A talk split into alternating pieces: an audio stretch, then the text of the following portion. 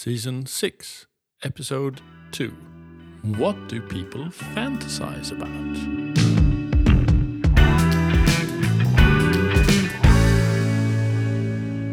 Do you mean in general or just about sex? Now we're talking about sex. That's what we like. Um, believe it or not, there has actually been some research done on this. A lot. And I would say, before we dive into the research, please be sort of mindful that it gives a lot of picture of the researcher, how they have made the clusters of the questions or how they have put the questions together. But regardless of that, it's anyway amusing. Yeah, take it with a pinch of salt, but it gives us hints that most people do fantasize. Uh, a lot of people have many fantasies, and uh, some fantasies, most fantasies, are very common. We are saying you are perfectly normal. You are normal and beautiful. Remember that. And research has shown it. So it's got to be true. So, uh, what are the most common fantasies according to uh, one research study?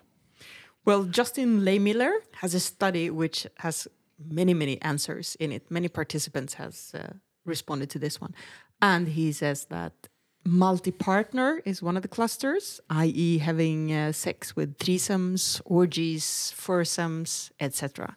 That is one of them. Another one is, of course, BDSM.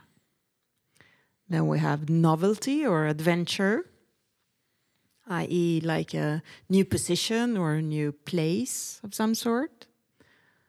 And then there are the sexual taboos, something that could be forbidden, like having sex with your sibling or whatever. Yeah, whatever the culture doesn't allow. Yeah.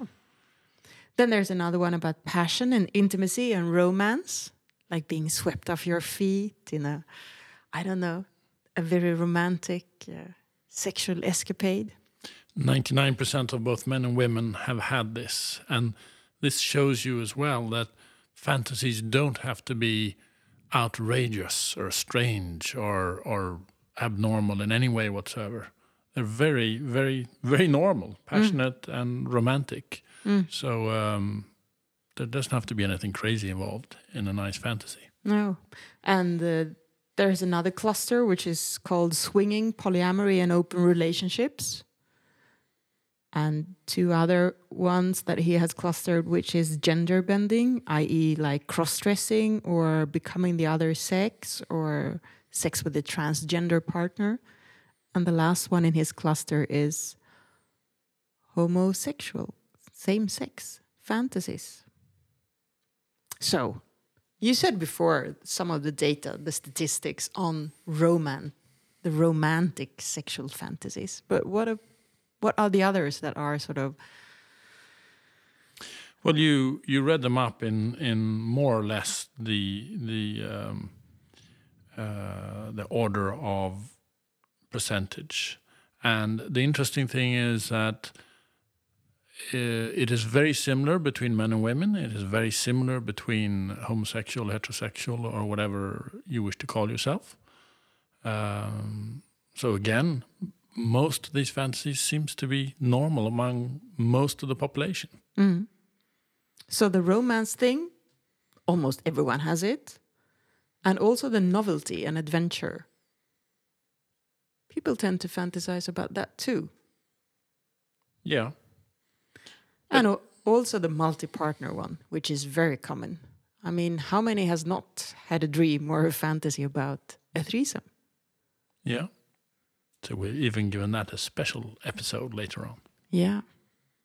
And then there's one I think which is, uh, yeah, more women, a lot more women, almost double the amount of women have fantasies about same sex.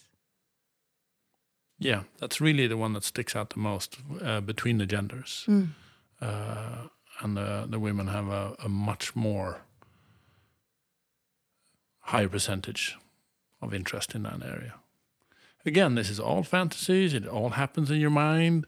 Most people will never do any of it.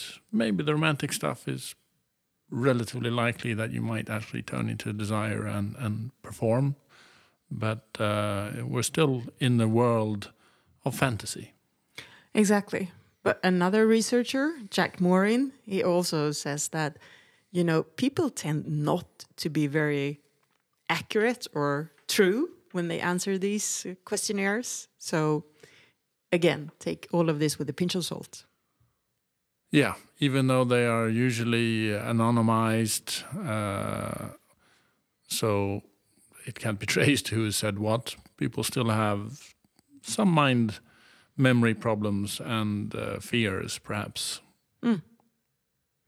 But it's also interesting in, in another study that was trying to figure out if uh, fantasies, your particular fantasy, is unnormal. And uh, they found that most fantasies are very common among large groups of people. And it's, it's very unusual to have unusual fantasies. Mm. So again, you're most probably very, very normal.